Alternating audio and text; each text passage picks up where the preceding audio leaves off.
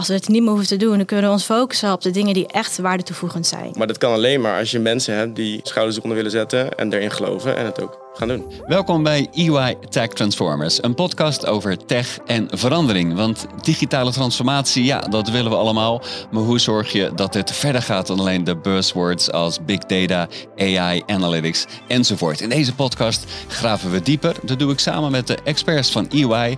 En ik ga op onderzoek hoe technologie kan bijdragen aan een beter werkende wereld. Mijn naam is Jim Stolze. Welkom bij EY Tech Transformers.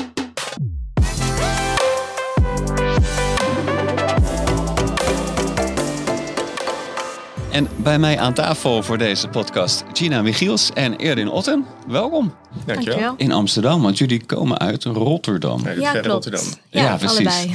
Je zit ook in hetzelfde team? Ja, zeker. Zeker. Oké. Ja. Nou, in deze aflevering gaan we het hebben over digitale transformatie, maar dan wat dieper. Intelligent automation, cloud. Er komt heel veel voorbij, maar eerst wil ik jullie een beetje beter leren kennen. En daarvoor heb ik jullie cv's naast elkaar gelegd. Op zoek naar de overeenkomsten, die zijn er, maar ook verschillen. Zo is een van jullie tweetjes een Rotterdamse rugbier. Dat moet jij zijn. Oh nee, dat was ik. Ja, ja, Kijk, ja. Dat klinkt wel heel cool. Is, zo, ja, het is wel een late ontdekking geweest in mijn leven. Ik was 24, 23 toen ik daarmee begon. Eh tijd in Arnhem gewoond, daar gespeeld. En nu inmiddels vier jaar in Rotterdam. En ik ben daar nu sinds drie jaar aangesloten bij de Rotterdamse rugbyclub. Lekker. Dus, eh, met veel plezier weer opgepakt. Ja. Dus eh, maandagen zijn af en toe wat zwaar op kantoor. Maar, Ik wou zeggen, dan kom je bont en blauw aan. nee, dat valt mee. Maar het is inderdaad, het is een contactsport. Ja, Ja. Zeker, ja. Hey, en en wat, wat zegt dat over jou? Ben jij ook een, eh, een doorzetter? Iemand die, eh, die helemaal tot het gaatje gaat? Goeie vraag. Ja, nee, ja, dat, dat denk ik sowieso wel. Eh, maar het leuke is van rugby is de parallel die het heeft met het zakelijke, zakelijke leven. En rugby is wat dat betreft eh, onvergeeflijk. Als je daar een foutje maakt, dan is de impact is die daar. En je kan het niet alleen doen. En dat is in het bedrijfsleven ook zo. Ja. Je, wil, je wil iets bereiken als team en dat moet je samen doen. En als je bij, rugby denkt dat je in je eentje even de bal naar de overkant brengt, dan eh, is dat vaak een illusie. Dus Ja. dat vind ik het mooie eraan. Cool. Ja. En wat ik ook heb gezien is, een van jullie twee is helemaal geobsedeerd door Scrum en Agile. Hmm, dat kunnen we allebei, allebei zijn Ja. eigenlijk. Allebei, oké. Maar ik denk, ik heb behoorlijk wel wat certificering behaald in het gebied van Agile. Dus Scrum Master, Product Owner, eh, Lead Agilist, maar ook Skilled Agile Product Owner, Product Manager. Ja, En ja, dat is eigenlijk, ik zit ook in het team Business Agility. En dat is eigenlijk mijn specialisatie. En ja, ik heb eigenlijk dat wat gekozen omdat ik het heel erg leuk vind eh, om bedrijven te helpen in het gebied van Agile. ja. Dus eh, dat eigenlijk. Is daar nog veel werk nodig? Of is iedereen al helemaal agile? En Nee, zeker veel werk nodig. Je ziet ook heel veel bedrijven die hebben dan agile transformatie ondergaan. Of die denken dat ze, die zeggen dat ze agile zijn. Maar als je dan bezig zijn met een bepaalde implementatie of iets ontwikkelen, merken ze toch van, oh, we lopen, het- ja, we zitten, lopen toch vast. Hmm, En dan ja, komen wij eigenlijk in beeld. Dus ehm ja, we krijgen verschillende vraagstukken. Eh, sommige vragen, nou, kunnen jullie een rol vervullen als Scrum Master? Ja. dat kan, maar kan ook als rol als Agile Coach. Dus dat je een team eh, begeleidt in, eh, in het Agile werken. Dus ehm, ja, dat doe ik dan eigenlijk. ja. En dan moet ik ook vragen, welke band heb jij volgens mij? Welke? Met Scrum heb je toch al die belts en zo? Dat is met Lean. Oh, dat is Lean. Oh, dat is ja, weer een nee, andere die school. heb ik niet. Nee. Oké. Nee. Dat is ook een vorm van Agile overigens. Ja. Maar eh, Ja. nee, dat heb ik dan niet. nee. Nee. En jij? Nou ja, kijk, ik eh, ben eigenlijk als science gewoon bij UI gestart, vijf jaar geleden als manager. En ik ben sinds drie jaar eh, bezig met de teamopbouw waar Gino ook onderdeel van uitmaakt. En waar we eigenlijk Agile hebben ja, ontwikkeld als, eh, als capability. Ja. En je ziet eigenlijk dat, dat Agile veel meer, nu, nou ja, samenraapsel eigenlijk meer een, een samenvloeisel is van de best practice in de markt. En zo, Zoals ook Lean, maar ook product management en dat soort zaken. Ja.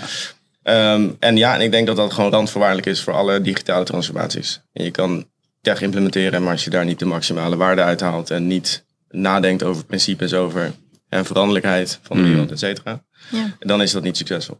Dus eh, in die zin denk ik dat het een niet zonder het ander kan bestaan. En het is ook wel in die zin ook wel echt een hobby van mij. Ik geef ook trainingen en eh, ik vind het hartstikke leuk om te doen. Ja. Ik dacht even dat je weer een metafoor met rugby eh, ging. Die komt ook nog. Ja, ja, het is mee, ja, ja, ja, zeker. Ja.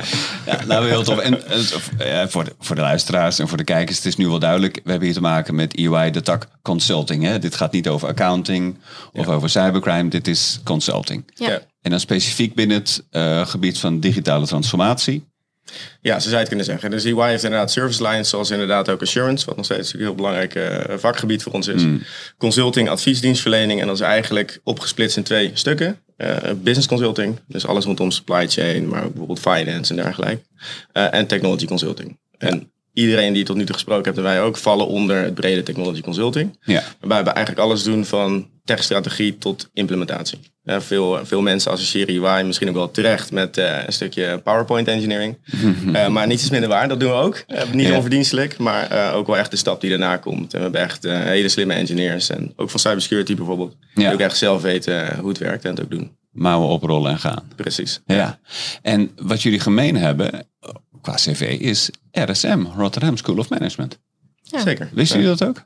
Eh, ja, Ja. best wel van elkaar, ja. Want dat is de, als je gaat kijken naar, eh, nou jij sowieso hè, eh, Erin, de, van het ROC naar de Han, naar Ja, de VU, nog even een stukje New York en daarna naar Rotterdam School of Management. Ik- Daar zit die doorzetter. flinke aanloop genomen. Ja. Ja, ja, ja. Ik heb in het verleden mezelf een beetje een achterstand aangedaan door wat andere prioriteiten. Ehm, en daardoor heel veel stappen moeten zetten eh, om te komen waar ik ben. Ja. Ehm, en ik heb ook die opleiding in deeltijd gedaan. Dus ik werkte toen nog wel fulltime als software engineer. Eh, en heb toen die master erbij gedaan in de avonturen. Ja. Interessant genoeg woon ik toen in Ede. Eh, en, dus ik, eh, en ze waren toen bezig met de A12 eh, ehm, herstellen. en ik kon elke, elke avond in de file naar Rotterdam en terug. En nu woon ik er. Ja, Dus, precies. ja. ja. En jij eh, bedrijfskunde en ook veel BI, las ik. Eh, nou, eerst bedrijfskunde gedaan. Ja. Dus inderdaad na mijn middelbare school naar Rotterdam verhuisd. En eh, ja, dus eh, eerst bedrijfskunde en toen een master gedaan in Business Information Management. Ja. Dus dat is wat breder, maar daar heb ik ook inderdaad wat technische vakken gehad. Maar ook wat meer eh, ja, business architecture bijvoorbeeld. ja. En uiteindelijk eh, bij EY terechtgekomen. En ik vraag dat omdat als je nu kijkt naar je collega's hè, bij consulting, hebben die allemaal een beetje zo'n zo'n profiel? Want ik kan me ook voorstellen dat als je naar MTS elektrotechniek en standaard praktijkdiploma boekhouder hebt gedaan, dat dit niet helemaal de league is waarin je opereert.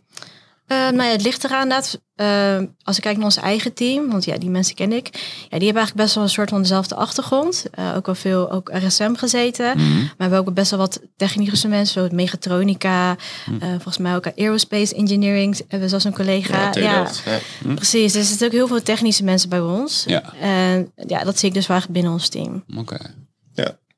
Nee, zeker. Het is echt eh, in die zin verschillende beroepsgroepen. Uiteindelijk hebben we hetzelfde doel. Dus bedrijven slimmer maken door techniek en eh, verbeteren van de ways of working. Ja. Ja. Eh, en ik vind wel heel goede ontwikkeling dat we al natuurlijk eerst meer de traditionele opleidingen zoals bedrijfskunde en, en, en meer van dat. Maar dat het nu ook echt wel meer echt technische studies zijn en de TU Delft en echte engineering achtergronden. Ja.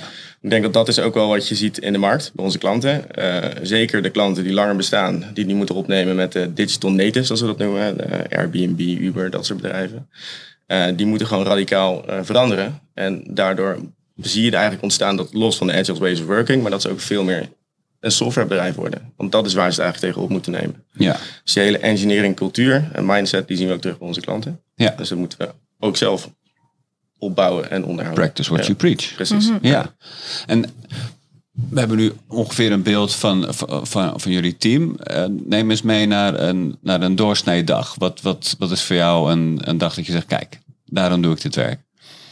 Ja, dat is in mijn geval wel echt de diversiteit van het werk. Eh, dus eh, ik, eh, ik leid ook een competence. Dus ik vind het heel erg leuk om met de strategie van het team bezig te zijn. En eh, met eh, de klant en het commerciële aspect. Maar inhoudelijk, en dat zie je eigenlijk eh, zeg maar verticaal door de hele organisatie heen tot aan de partners aan toe. Iedereen doet ook klantwerk. Eh, dus we hebben niet een apart salesapparaat. Eh, eh, We hebben gewoon, iedereen is gewoon eh, eh, boots on the ground, zelf werk aan het doen. Eh, en dat vind ik ook heel leuk. Dus eh, de andere dag eh, ben je weer vol bezig met de projecten en, en de inhoud. Ja, je hebt niet een voorkeur voor een bepaalde sector of een bepaalde technologie. Ja, in principe zijn we niet heel sterk sector georiënteerd. Met een aantal, we hebben wel een public divisie. En Mhm. Ja, maar juist persoon, je kan toch iets hebben Ja, met retail. ja, maar je ziet dus inderdaad ontstaan dat ik vanuit mijn achtergrond wel steeds meer echt een consumer products Mhm. en retail profiel heb opgebouwd. En daar heb ik ook al veel affiniteit met die markt. Ehm, maar het is, in- het is in die zin niet eh, zeg maar in beton gegoten. Hoe is het met jouw voorkeuren? Eh, nou, eigenlijk ook niet heel sterk. Ik moet wel zeggen, ik heb ook veel projecten gedaan in het gebied van retail. Veel met Erin ook gewerkt. En daardoor, ja, ik vond dat dat wel erg, heel erg leuk om te doen. Want het is heel erg, het is heel erg dynamisch. Het is ook heel erg eh, tastbaar. Hè. Ja, ik zelf ook eindconsument bijvoorbeeld van producten uh, van klanten waar Hmm. ik uh, als consultant heb gewerkt. Ja. Dus dat maakt het wel heel erg leuk. En dat, daarom vind ik die industrie wel heel erg leuk. Maar niet per se, ik zeg oké, dat wil ik alleen maar gaan doen. Ik sta juist wel open voor allerlei sectoren. En die kansen krijg je ook echt wel uh, bij ons. Ja. Dus uh, ja. En werk je dan vooral vanuit het kantoor in Rotterdam of zit je vooral bij klant? Uh, nou, nu eigenlijk veel thuis. Oh ja, en Rotterdam af en toe, als we dan uh, bijvoorbeeld bij andere teamgenoten komen ook uit Rotterdam, zeggen oké, okay, we gaan een dagje naar Rotterdam. Uh, maar als ik dan echt klantwerk ga doen of echt met andere team, andere collega's ga zitten, dan is het toch Amsterdam. Dus ik Ja. zit wel vaker hier dan Rotterdam, helaas. ja, snap ik. En ik zou nu al één of twee cases met jullie willen bespreken. We hebben nu een goed beeld van jullie. We weten wat, wat EY Consulting doet. Uh, jullie persoonlijke voorkeuren. Wat is een, een case die, uh, die jou na aan het hart ligt? Um, ja, dat is toch wel een groot project, wat ik ook met Erin heb gedaan. Mhm. Dat was een uh, groot intelligent automation project. En um, bij een retail, uh, een groot sportmerk. ja. En daar was eigenlijk de vraag, nou ze wilden een distributiecentrum openen zonder daar mensen te hoeven aannemen. Dus het ging echt uh, het liefst dus open gaan zonder... Een nieuw distributiecentrum? Ja, okay. zonder 80 mensen aan te nemen. Mm. En uh, dus bij ons kwamen ze met de vraag van, kunnen jullie ons niet helpen? Want wij hebben heel veel uh, uh, mensen, heel, heel veel slimme mensen... die eigenlijk hele saaie transactionele processen uitvoeren. Nou, als we die mensen nou slimmer inzetten... hoeven we geen nieuwe mensen aan te nemen... maar hè, kunnen die inzetten bij het nieuwe distributiecentrum. Ja. En dus eigenlijk toen kwamen wij in beeld...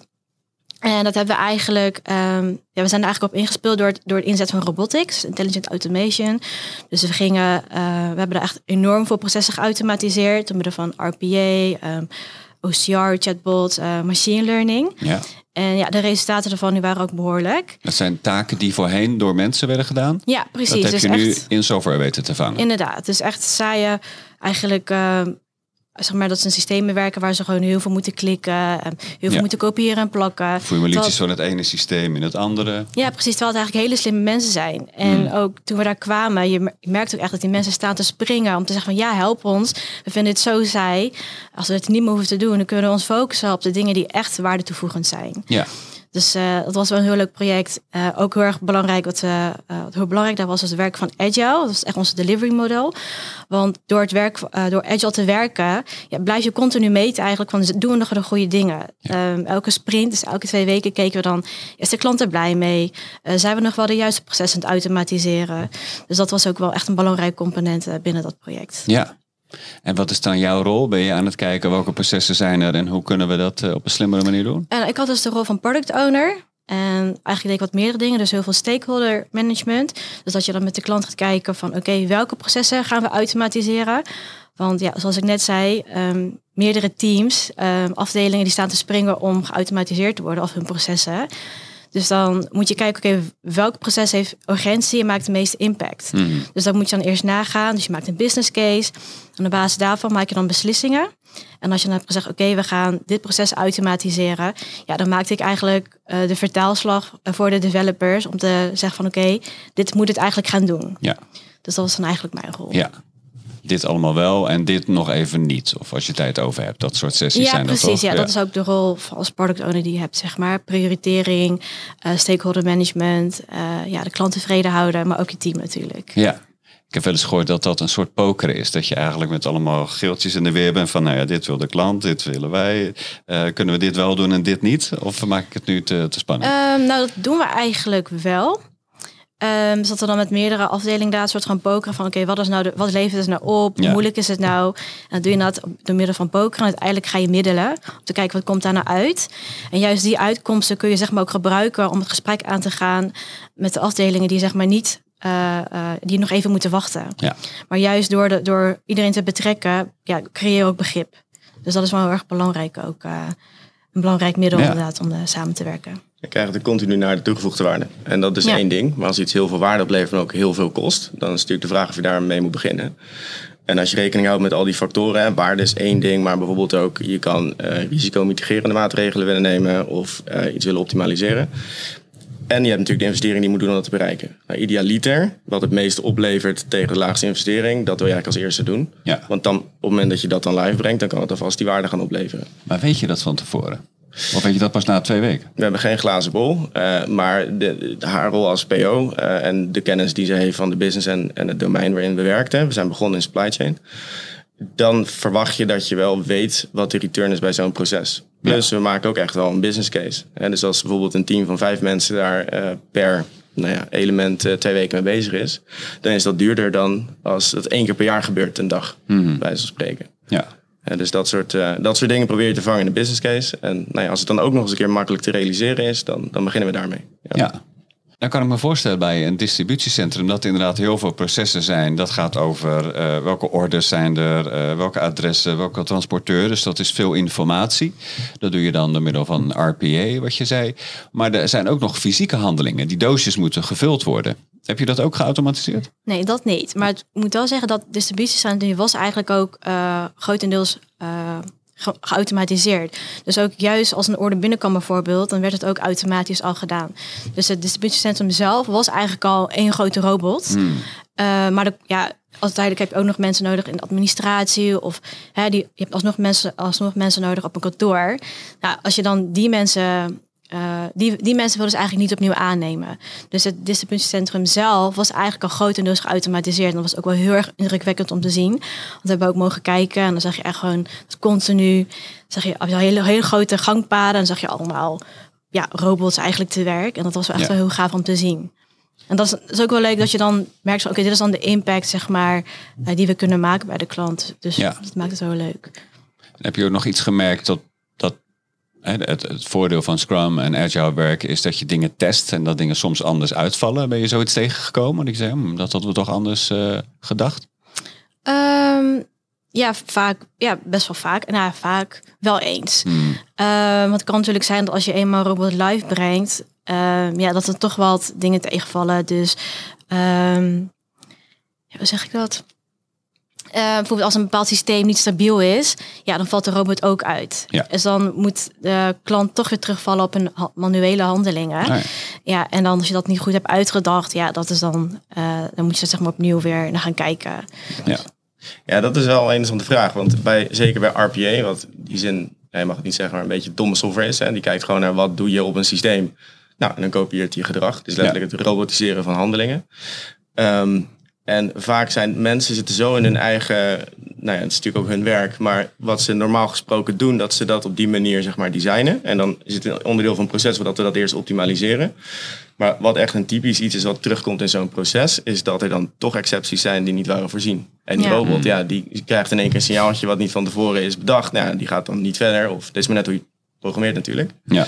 Uh, en dat, dat zijn dingen die inderdaad wel vaker voorkomen. Maar je merkt wel dat als je. En dat is het interessante van, denk ik, ons werk. Is dat het, het is in principe niet echt technisch werk. Of het is wel. Techniek is eigenlijk meer de randvoorwaarde. Maar we kijken veel meer naar die business. Ja.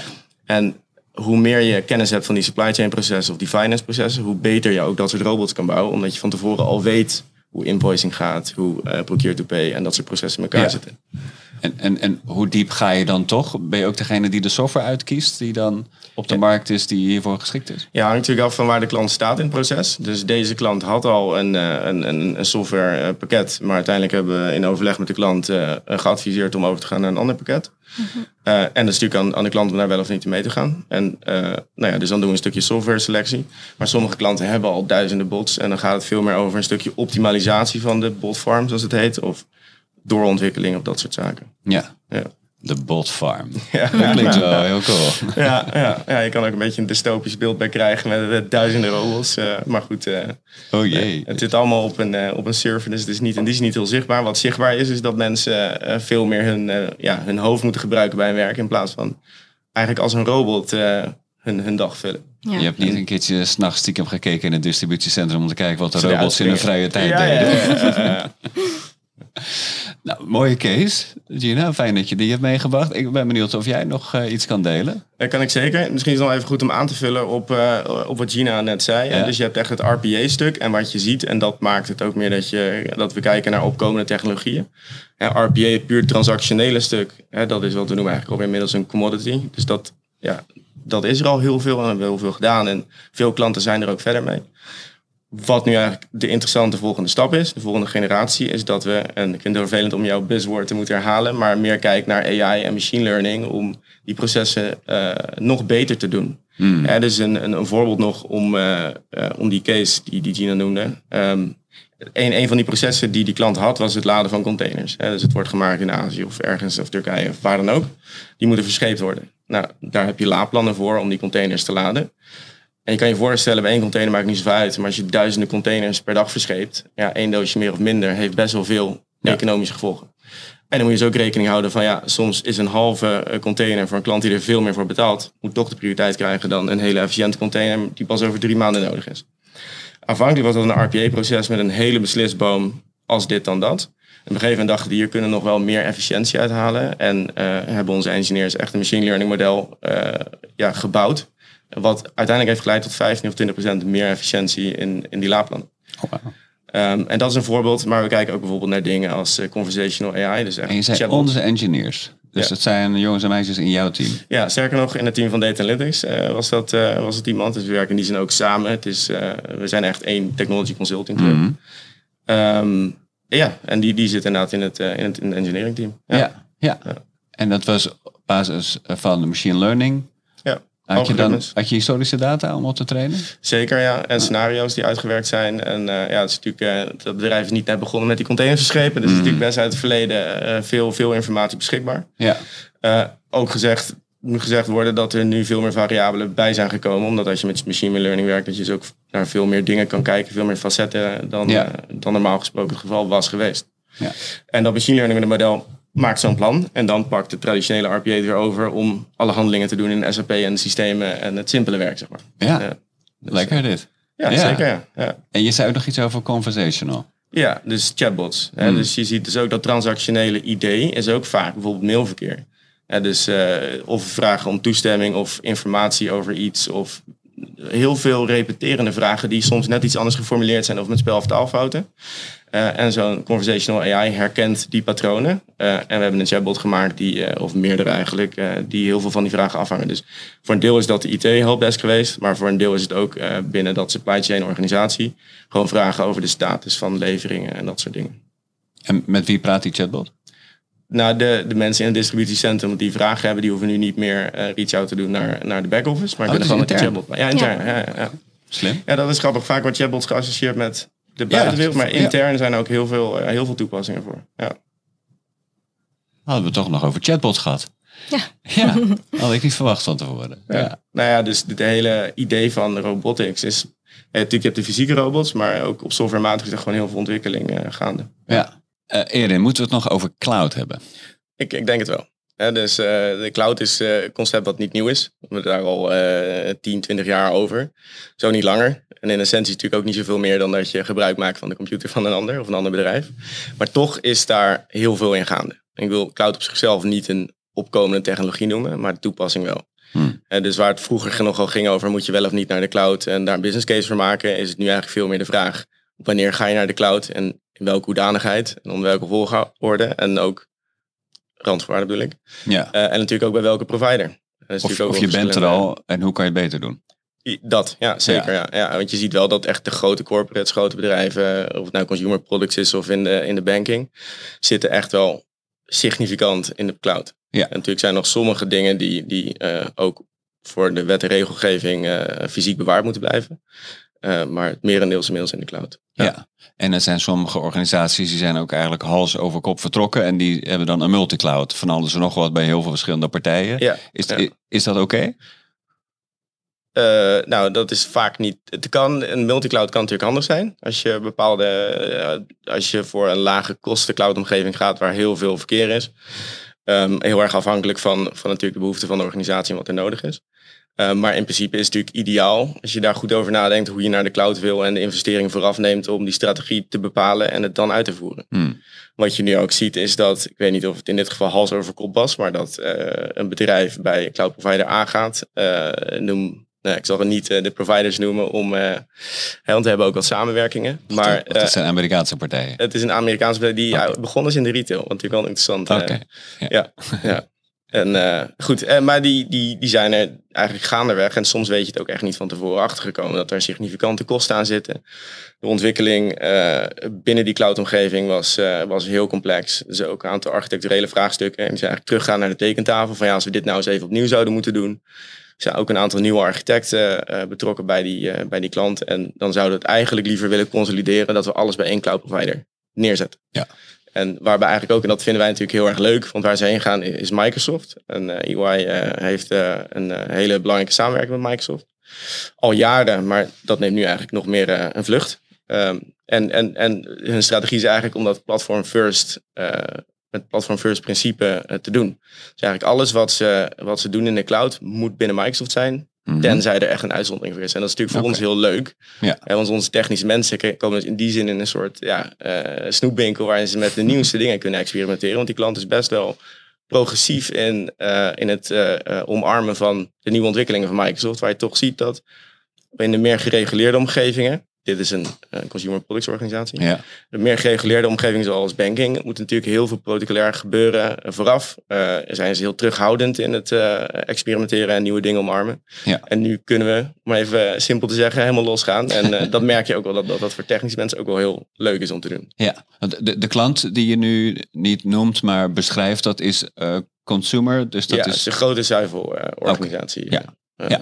Wereldwijd opereert. Ja. En die helpen je nu dan om over te gaan naar, uh, naar Azure. Ja, nieuwe cloudomgeving. Ja. En dan is een soort snoepwinkel. Omschrijf eens dan hoe jij dan zo'n proces begeleidt. Zeg je dan, jongens, nou, uh, hebt een blanco A4'tje, gaan we, gaan we shoppen in die snoepwinkel? Of? Ja, nee, dat zou, dat zou het, liefst zou je bij elk project uh, de luxe hebben om van tevoren goed met de klant mee te denken over de strategie en hoe je het wil doen en het team te vormen. Nou was deze klant al bezig met die transformatie en uh, dat is niet helemaal, dat liep op een gegeven moment niet meer helemaal goed. Uh, maar uiteindelijk, je kan je voorstellen, uh, we hebben het hier niet over een paar softwareproducten of twee databases, maar gewoon echt een complete analytics omgeving die van A naar B moet. Dus er gaat best wel veel geld en investering mee gemoeid. Uh, dus we zijn eigenlijk midden in die, ja, in die stroom terechtgekomen en om die klant te helpen. En dan begin je inderdaad wel even met kort kijken van waar staan we, waar willen we heen. En dan probeer je natuurlijk ook zo snel mogelijk gewoon een team te bouwen. Ja, eigenlijk programmaorganisatie, het is vrij significant. We zitten daar met 60 mensen. Mm. Um, om, om zo goed mogelijk dat doel te bereiken. Dus uh, ja. ja. En die strategie was er bepaald, de architectuur of de referentiearchitectuur was er al. En er is natuurlijk best wel ruimte om dat nog wat te optimaliseren en uh, advies op te geven. En verder is het ook gewoon uh, zorgen dat we die doelen behalen. En dat ook de licenties bijvoorbeeld van zo'n vorige cloud provider ook opgezegd kunnen worden. Ja. Want dan zit je er ook weer gewoon x termijn aan vast. En zijn jullie al over? Nee, nee, nee. nee. Dat lijkt me ook spannend. Als Nee. je op een gegeven ogenblik zegt, oké, we kunnen nu niet meer terug. Nee, dit zijn, dit zijn in principe programma's die, die meerdere jaren duren. En ze waren al een tijdje onderweg. En uh, de deadline is nu begin volgend jaar. Ja. Dus uh, ja. En dan is het Dus ik moet ook Microsoft. zo weg. Want, uh, Moet over, lift Ja, en ja. shift. Hey, en dan is ja, het dat nu... is, is niet lift en shift. Dat Nee, is wel dat interessant, uh, uh, ook voor de, voor de mensen die dat niet precies het begrip kennen. Bij lift en shift gaan we ervan uit dat je een omgeving eigenlijk as is, min of meer overzet naar iets anders. Terwijl dat nu eigenlijk niet meer heel gangbaar is. Het gebeurt natuurlijk nog wel, als je daar hele snel en quick win mee kan halen. Maar natuurlijk als je overgaat naar een andere cloud provider, heb je natuurlijk ook de kans om even opnieuw te kijken van hè, wat is je architectuur? Hoe wil je omgaan met het opslag van data, transformatie, je, uh, hoe heet dat, inzicht, die KPI's, dat soort zaken. Ja. Um, en dus er zit ook een hele optimalisatieslag in. En wat je dan typisch eigenlijk doet, is je kijkt van, hè, je hebt de oude spullenboel. Uh, wat wil je daarvan houden? Of kan je daar ook een deel van decommissionen, uh, zeg maar afstand van doen? Uh, wil je een deel, deel gewoon opnieuw bouwen? En er zal natuurlijk altijd een klein deel zijn wat al perfect is, of heel goed, goed genoeg. Dat kan je dan één op één overzetten. Ja. Ja. ja. Had jij ook een rol in dit project? Uh, nee, dat niet. Oké, okay, nee. dus er lopen ook gewoon projecten naast elkaar, kan me voorstellen. Wanneer uh, weet de organisatie, oh jee, nu moeten we Gina inschakelen? Uh, ja, als ze dus iemand nodig hebben die ze kan helpen bij, bij Agile. Oh ja. Dus daar ben ik eigenlijk voor. Ja, en dat is ook wel eens in een, in een cloud situatie. Zou kunnen inderdaad. Um, bijvoorbeeld een collega van mij die vervult nu de rol van Scrum Master uh, bij, uh, in het team van Erin. En uh, ja, waarschijnlijk als ik niet al op een project had gezeten, misschien had ik het ook wel kunnen doen. Ja. Dus ja, soms moet je gewoon keuzes maken. Dus of ja, of de kansen pakken. Of ja, we hebben heel veel projecten die je kunt doen. Dus als je dan um, Meestal word je dan gebeld van, het is een opportunity, lijkt je het leuk, ja of nee? Dan kun je daarin zeg maar die afweging maken van waar ga ik voor. Dus Ja. soms eh, ga je voor een andere industrie om toch wat andere ervaring op te doen.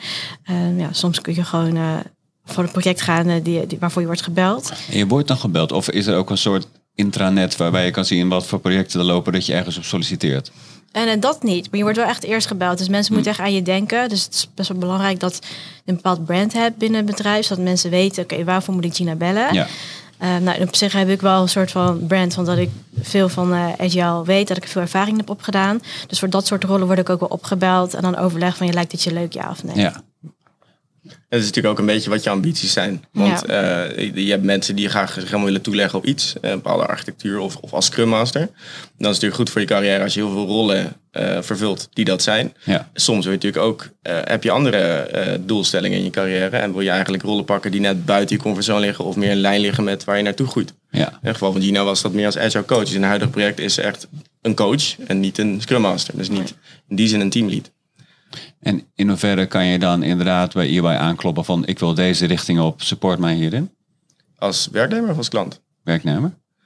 Eh, als, dus waar we altijd natuurlijk naar kijken is als eh, soms en heel dat is af en toe heel erg ongelukkig, want wij groeien heel hard en eh, hebben heel hard mensen nodig.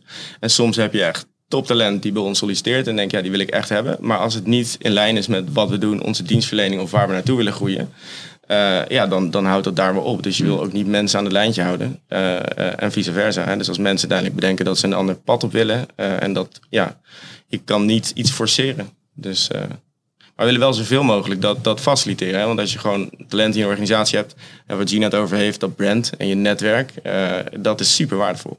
En dan zie je toch vaak dat je een profiel ontwikkelt, wat binnen je netwerk altijd wel succesvol is.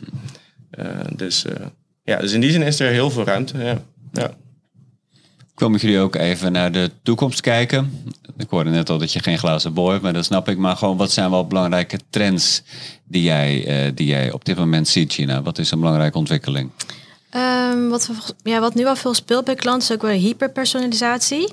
Dus echt dat we, de, ehm, kijk, eh, klanten die bieden tegenwoordig steeds meer de services digitaal aan. Hè? Dat- Ze willen af van het offline service aanbieden.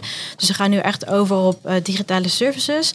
Maar het is nog wel belangrijk om te kijken van oké, ehm, hoe kunnen we dan de juiste service of diensten nog eh, verlenen aan de klant. Dus je moet echt de klant gaan begrijpen. Ja. Dus je ziet echt dat eh, bedrijven er heel veel aan het investeren zijn. Om juist zeg maar nog die klanten te behouden. Dus zeg ik ja, ja zoals het woord zegt, hyperpersonalisatie, echt Dus diensten. bijna NS1, dat je echt een persoonlijke ervaring hebt bij een dienst of een product. Ja, inderdaad. Dus bij wijze van eh, bijvoorbeeld in een, als je bij een verzekering zit of investeringsbank bijvoorbeeld, dat zij echt weten van oké, nou eh, Gina is bijvoorbeeld heel erg risicoavers, dus dan moeten we eigenlijk vooral eh, services aanbieden waar weinig of eh, weinig risico aan vast zit. Ja. En daarmee zeg maar interesse werken. Maar dat is dus best wel een moeilijk proces, want je moet dus echt je klanten begrijpen. Daar heb je hele goede marketeers voor nodig. Ja. Maar je ziet wel dat bedrijven daar steeds mee aan het investeren zijn. Heb je marketeers nodig of data? Allebei. Marketeers die weten wat ze met de data aan moeten. Ja. En ehm, wat je ook wel veel ziet is dus dat bedrijven heel veel dure eh, software, softwarepakketten in huis halen. En die kost heel veel geld. Maar de mensen weten niet zo goed wat ze ermee aan moeten, zeg maar. Dus daar valt ook nog wel veel winst te behalen. Dat eh, marketeers of de juiste mensen daarin worden opgeleid om juist gebruik te maken van die softwarepakketten. ja. Dus daar eh, ja, dus dat is wel iets wat veel gaat spelen ook. Veel speelt ook bij klanten. En hyperpersonalisatie, dat gaat dus verder dan klanten die dit kochten, kochten ook dat. Hè? Want dat is nog vrij grof. Maar Ja. dit is echt, Jim, luister. Dit hebben we voor jou geselecteerd. Wij Precies. kennen ja. jou beter dan dat jij jezelf kent. Inderdaad. Ja, ja, ja, dat is Maar dan moet je wel goed zitten. Ja. Want als er dan een product staat dat ik denk van, nou jongens, eh, jullie snappen me helemaal niet. Dan Ja. is dat een hele grote dissatisfier. Ja. Ja. Ja, en het is natuurlijk interessant dat je heel veel kan meten. Zeker wat op websites gebeurt. En op het moment dat jij ergens sneller aan voorbij scrolt of swipet of whatever, dan is dat natuurlijk wel data dat gekoppeld wordt aan jouw profiel. Mm. En ik wil niet de discussie van je vorige podcast helemaal herhalen, maar dat is natuurlijk die hele cookie-discussie. Hè, die aan de Ja. ene kant een soort gepercipieerd wordt als een gevaar, maar natuurlijk ook heel functioneel kunnen zijn en de beleving kunnen verbeteren. Ja, Ehm, dus, dus ik denk dat de modellen en de techniek eh, inmiddels al lang zover zijn. Om, om het mensen het leven een stuk makkelijker te maken. Maar dat, eh, en dat we inderdaad nog het vertrouwen moeten hebben dat het, die technologie ook dienstbaar zijn aan, aan onszelf. ja. Ja, het is mooi dat je verwijst naar die andere podcast voor de mensen die niet hebben geluisterd. Die toevallig, doe het wel, doe het wel. Dat is echt heel leuk. Ehm, dat gaat ook over de cookieless world en dat trackers niet meer mogen. Lijkt me, ik, ik ben met je eens dat dit een belangrijke trend is, maar het wordt vanuit compliance soms ook weer heel lastig gemaakt Ja. om die NS1-beleving aan te bieden. Ja, en dan zie je dat de Nederlandse wetgeving af en toe, of Europees gezien überhaupt, wat achterloopt. En dat is niet per se heel erg eh, dienstbaar of faciliterend voor innovatie. En dat merk je hier bijvoorbeeld ook. Ander voorbeeld, ik gooi hem er maar gewoon in. Eh, voor dat ene sportmerk hebben we bijvoorbeeld ook gekeken naar, naar drones inzetten voor het ver- ver- ehm, verplaatsen van pakketjes van A naar B. Ja? Maar ook bijvoorbeeld een stukje surveillance. Eh, en waar staan welke containers op de yard en dat soort zaken. Het was inmiddels al twee jaar geleden, maar toen was dat eh, gewoon wettelijk niet toegestaan om dat te doen.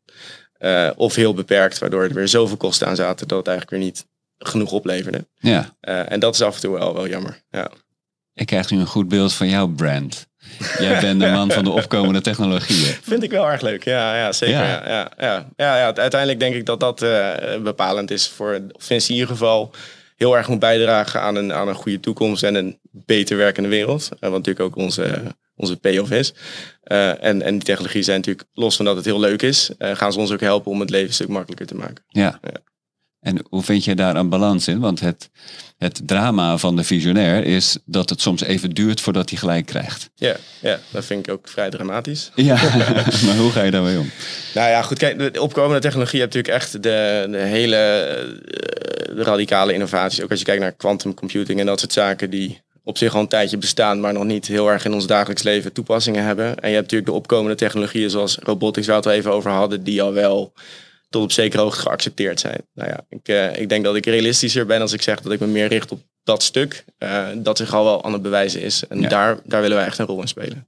Dus we, zijn, we hebben niet de illusie dat we helemaal op de, eh, zeg maar de Gartner hype cycle aan het, aan het begin zitten om, om dat allemaal zeg maar, tot leven te brengen. Ja. Dus eh, ja, Oh. Geen bullshit bingo in dit geval. Nee. probeer het te minimaliseren. Ja. Ja. En dat is denk ik ook wel met robotics het geval. Als je het over die, die buzzwords hebt. Je hebt natuurlijk de AI machine learning die je gebruikt om inzichten te hebben. Wij kijken ook wel heel erg naar de toepassing daarvan. Dus hoe kan zo'n machine learning model gewoon zorgen dat een proces beter loopt. En dat Ja. implementeer je. En zo'n model draait ook gewoon en levert dus ook gewoon gelijk zijn waarde op. Idem dito met chatbots. Maar ook bijvoorbeeld met OCR, het scannen van documenten. Eh, en dat soort zaken. Dus we kijken wel heel erg naar de toepassing van die dingen. Ja. Ja. En tot slot, de mensen die dit luisteren, die, ja, die willen in instantie horen over digitale transformatie in de praktijk. Check, check. Tegelijkertijd zijn ze ook nieuwsgierig naar werken bij EY. Er staan bij jullie veel vacatures open. Mensen zijn om zich heen aan het kijken. Heb je nog een laatste tip? Hoe kunnen ze zich oriënteren? Of wanneer moeten ze het wel of wanneer moeten ze niet eh, instappen? Gina, ik begin bij jou. Ehm, nou, als je het heel erg leuk vindt om bij verschillende organisaties aan de slag te gaan, eh, veel met eh, verschillende typen mensen wilt samenwerken, eh, maar ook als je leuk vindt om elke keer nieuwe uitdagingen aan te gaan, want dat is het wel, want omdat je dus elke keer nieuwe projecten doet. Kijk, je zit wel ongeveer goed. Ik doe heel veel dingen in het gebied van agile, maar de uitdaging kan elke keer anders zijn. Dus de, de klant is heel anders, de industrie kan anders zijn. Ja, en als dat je trekt, van oké, da- daar sta ik echt wel open voor, dan ben je bij ons wel aan het juiste adres. En, ehm, ja, Echt dat de is wel afwisseling is dat. Ja, echt wel heel veel afwisselend. Ook omdat je dus elke keer in andere teams werkt.